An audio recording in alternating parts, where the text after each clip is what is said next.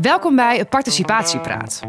In deze podcast ga ik, Liesbeth Rasker, praten met participatieprofessionals, bestuurders en ambtenaren. Ze zijn betrokken omdat ze allemaal, vanuit een andere rol, betere plannen en beter uitvoerbaar beleid willen maken. In deze podcast geven ze een kijkje achter de schermen van een participatieproject waar ze bij betrokken waren. Ze delen hun successen, maar ook de uitdagingen die ze zijn tegengekomen. Want goede participatie plannen en uitvoeren, is nog niet zo eenvoudig.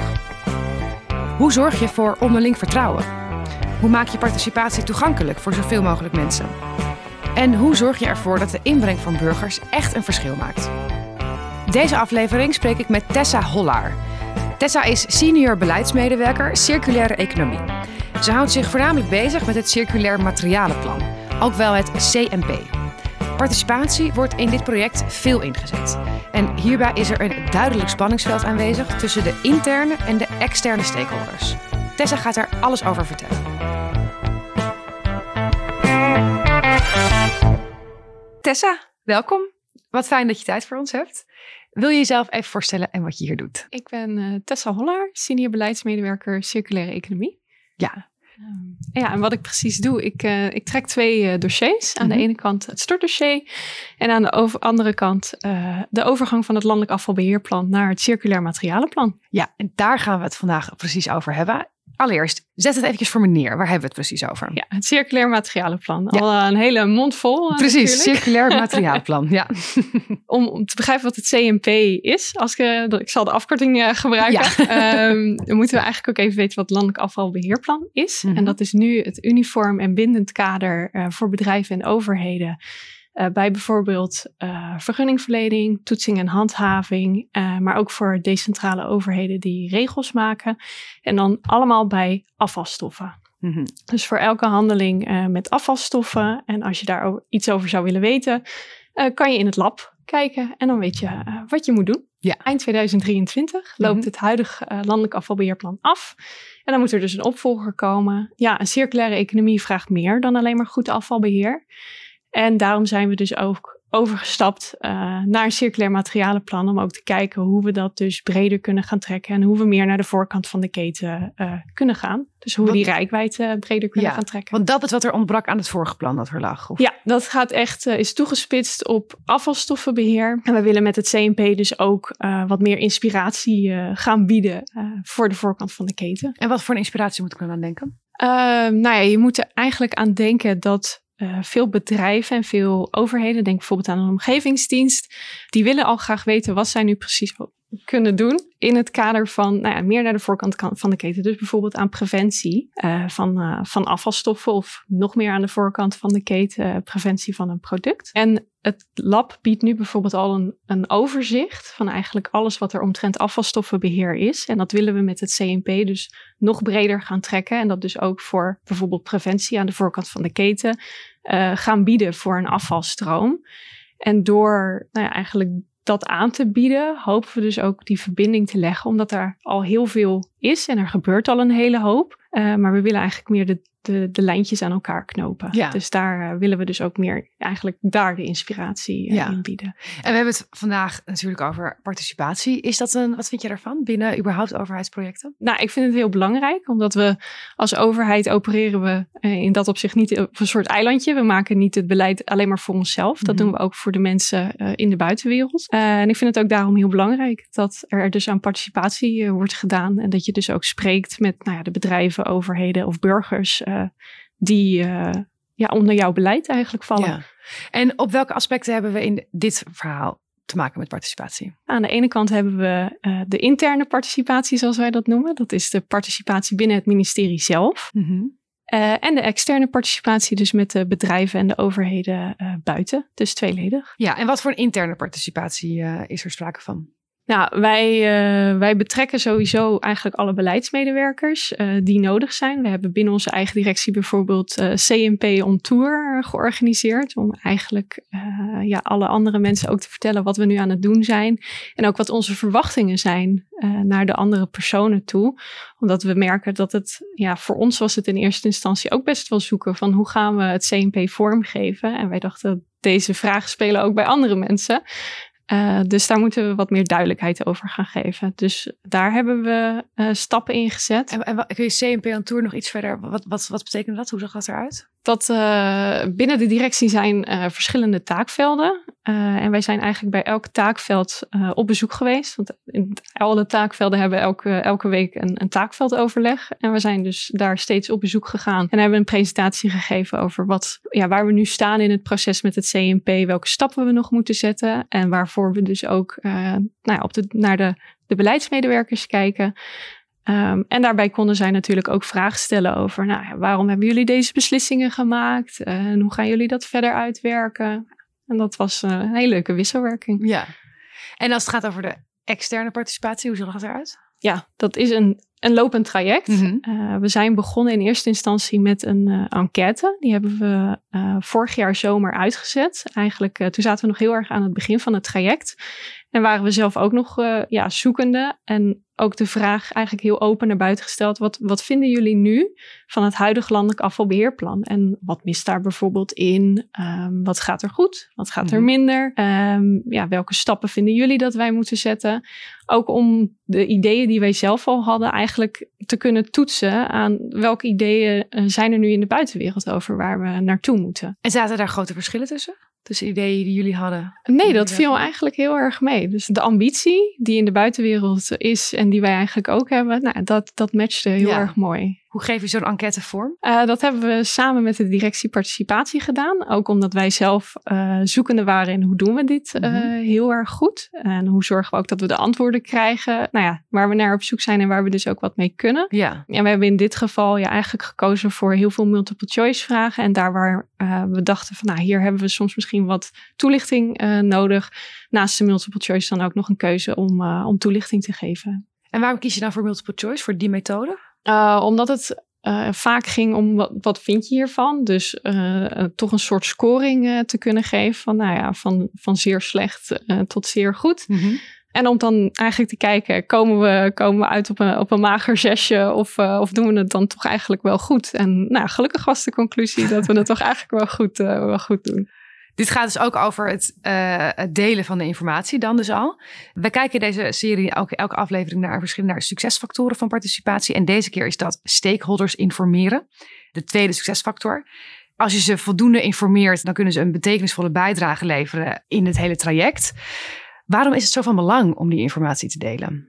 Omdat er bij ons in het traject best wel een wisselwerking zit tussen de partijen uh, die eigenlijk het CNP aan het schrijven zijn en de externe partijen die het straks moeten gaan gebruiken. Mm-hmm. Omdat, nou ja, zij moeten er direct mee aan de slag. Het is dus ook, het moet een heel praktisch document zijn. En omdat er in de buitenwereld ook best wel wat kennis zit. Dus um, ja, wij hebben binnen het ministerie zelf al een hoop kennis. Uh, maar ja, in de buitenwereld zijn ze er dagelijks mee bezig. En wij kunnen dus vanuit de, de spreekwoordelijke ivoren toren uh, iets opschrijven en zeggen, nou, uh, buitenwereld, doe daar maar iets mee. Uh, maar dat kan dan in de praktijk totaal niet werken. Uh, ja. En daar is het gewoon heel belangrijk voor dat we dus dingen al voordat het uh, straks echt definitief is, een keer getoetst wordt. Dat we in gesprek gaan. en dat we dus eigenlijk samen komen tot iets wat werkbaar is. Elke aflevering kijken we naar één van de publicaties van het kennisknooppunt participatie, zodat je in jouw volgende project hier meteen mee aan de slag kunt gaan. Deze keer kijken we naar de handreiking Stakeholders informeren. Stakeholders kunnen alleen een betekenisvolle bijdrage leveren aan de totstandkoming van beleid wanneer zij voldoende zijn geïnformeerd. Het is dus van belang om dit vroegtijdig en grondig te doen. We hebben verschillende tips op een rijtje gezet om het informeren van stakeholders zo goed mogelijk te laten verlopen. Ten eerste is het belangrijk om beschikbare informatie en documenten toegankelijk te maken. Dit doe je door op taalgebruik te letten. Hierin zijn begrijpelijke taal, korte zinnen en een duidelijke structuur van belang. Ook moet de informatie makkelijk leesbaar zijn. Bundel wat op verschillende plekken staat en geef samenhang tussen de documenten weer. Vervolgens is het van belang om je in de doelgroep te verplaatsen. Wat vindt jouw stakeholder belangrijk? En welke zoektermen zal de stakeholder gebruiken om de informatie op te zoeken? Verder moeten besluitvormingsprocessen altijd open, transparant en navolgbaar zijn. Wees dus altijd open over het proces, ook, of misschien wel juist, als je niet open kunt zijn over de inhoud. Zo creëer je de juiste verwachtingen. Ook is het van belang om belangen ten behoeve van de besluitvorming in kaart te brengen en te laten zien hoe deze mee worden gewogen in de besluitvorming. Geef participanten hier altijd een terugkoppeling van. De laatste tip: wees open over je dilemma's. Bespreek ze intern en maak naar buiten toe kenbaar met welke dilemma's je worstelt. Ben je benieuwd naar hoe andere participatieprofessionals dit hebben toegepast? Op kennisknooppunt.nl/slash publicaties vind je de handreiking met enkele voorbeelden uit de praktijk. Net zei je inderdaad de enquête als methode. Zijn er ook andere manieren van participatie die jullie hebben toegepast? Zeker. Uh, we organiseren ook bijeenkomsten. En dan uh, zijn dat hele specifieke bijeenkomsten. Dus echt uh, de stakeholders die we daarvoor nodig hebben. Dus we hebben al eens met bijvoorbeeld omgevingsdiensten gesproken. En dan gaat het dus heel specifiek over de onderwerpen die raken aan de omgevingsdiensten. En nou, zo hebben we een hele serie uh, van zulke soort bijeenkomsten georganiseerd. En eigenlijk gedurende het traject gaan we daar ook nog meer sessies van organiseren. En wat zijn de reacties vanuit de participanten? die vinden het heel fijn. Mm-hmm. Ook dat ze al zo vroeg in het traject betrokken worden. Want er komt straks ook nog gewoon een, een inzage of een inspraakprocedure. Ja. Maar ja, wij willen eigenlijk meer aan de voorkant al de partijen betrekken om te zorgen dat als straks de inzage en de inspraakperiode start, er eigenlijk weinig maar meer terug hoeft te komen, omdat we alles al een keertje besproken hebben. Klinkt eigenlijk best logisch dat je mensen die al zo vroeg erbij betrekt. Is het ook wel eens niet gebeurd? Wat, wat levert dat dan op? Ja, bij ons is dat, gebeurt dat eigenlijk altijd wel. Oké. Ehm, en wij willen eigenlijk meer regelen dat er, of nou ja, zorgen dat er een traject is dat we meer in gesprek blijven. En dat dat dus niet iets is wat alleen maar gebeurt bij een wijziging. Ja, dat er eigenlijk constant contact is. Ja. Zijn er dingen waar je tegenaan loopt in deze, in deze of in de andere participatievormen? Wat zijn de uitdagingen? Nou, sowieso omdat we natuurlijk een soort overgang aan het maken zijn van het landelijk afvalbeheerplan naar het circulair materialenplan. En we dus eigenlijk de rijkwijde aan het verbreden zijn van het plan. Dat betekent dat we ook een andere stakeholdergroep aan het aanspreken zijn. Uh, want het, ja, het afvalbeheerplan zit precies op dat. Uh, partijen die met afval omgaan. Mm -hmm. uh, met het circulair materialenplan ja, spreken we dus ook partijen aan uh, die misschien meer producent zijn in plaats van uh, afval, uh, afvalstoffen Want je gaat meer naar voren in de keten, wat je net ja, zei. Klopt. We ja. gaan daar meer informatie over opnemen. Dus ja, andere partijen krijgen ook een belang bij het circulair materialenplan. Ja. En hoe benader je die nieuwe partijen? Nou, dat hebben we dus allereerst gedaan door die, die enquête. Die hebben we heel breed uitgezet. Daar hebben we ook uh, via verschillende kanalen over gecommuniceerd. Om te, te zorgen dat we dus ook andere partijen uh, aan gaan spreken. En, en die stonden ook meteen te springen om mee te doen? Nou ja, er zijn wel reacties ook in de enquête op teruggekomen. Dus er zijn ook wel zeker andere partijen uh, gelukkig die zich aangesproken hebben gevoeld. Ja. En dus ook mee hebben gedaan ja, en we proberen op, op die manier ook via bijvoorbeeld de verschillende transitieagenda's contacten te leggen. En dus zo ook het netwerk uh, voor ons zelf te verbreden. Ik kan me voorstellen dat het ook een beetje een balans is hè, tussen al die verschillende stakeholders. Daar komen dan nieuwe stakeholders bij. Daarmee verandert ook de balans. Wat zijn de grootste veranderingen die jullie meemaken? Ja, nu eigenlijk, nu eigenlijk nog niet zo heel veel. Um, omdat we, nou ja, voor de sessies vragen we het steek, steeds heel erg uh, stakeholdergericht uh, uit. Maar ja, wel potentieel in hoe we de verdere participatie straks uh, gaan inrichten. Omdat de groep gewoon veel groter wordt. Mm-hmm. en je daar toch een soort modus operandi in moet gaan vinden om dat, dat vorm te geven. Dus het kleinschalige, of, nou ja, kleinschalig is misschien niet het juiste woord hier. Ja.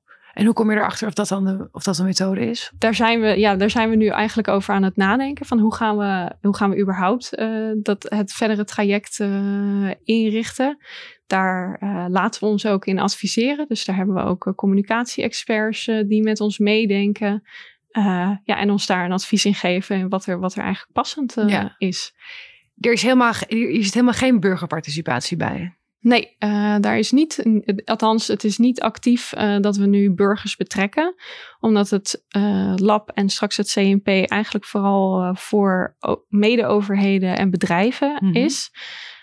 dat betekent niet dat ja, burgerinspraak niet welkom is. Ze zijn zeker vrij om als er straks inspraakprocedures zijn, daar ook op in te spreken. We hebben ook een helpdesk afvalbeheer. Dus als er vragen zijn over het lab of over het CNP of de ontwikkeling daarvan, uh, dan is iedereen daar gewoon vrij om, uh, om vragen te stellen en ons te benaderen. Gebeurt dat?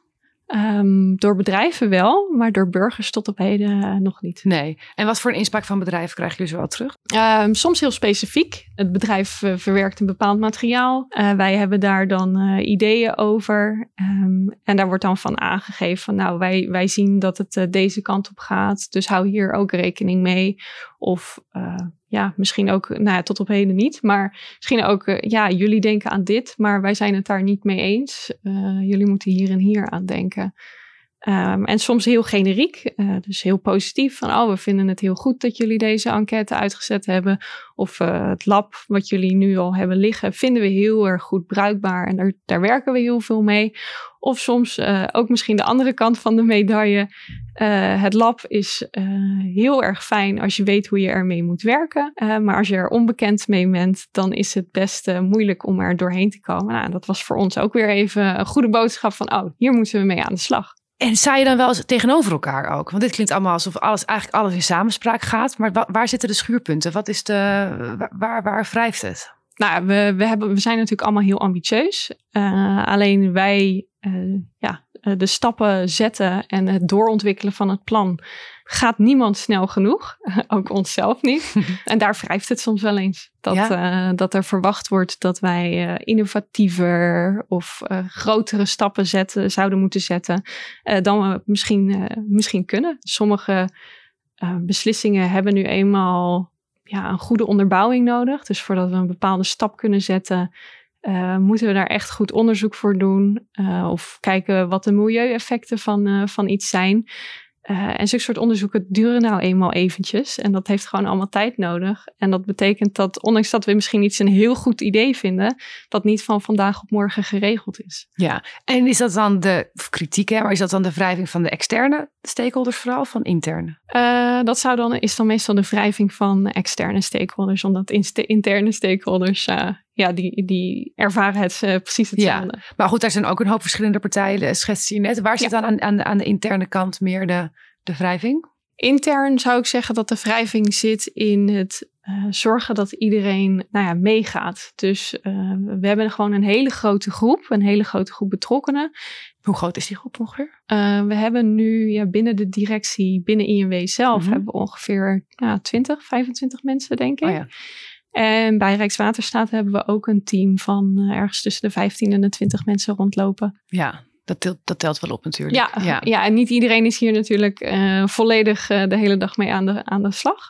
maar ja, toch, toch een hele hoop mensen die hier zich mee bezighouden. Um, nou ja, en daar ja, merk je ook in dat sommige mensen hebben, zijn heel erg van de droombeelden. andere mensen zijn heel erg van het praktische. Ja.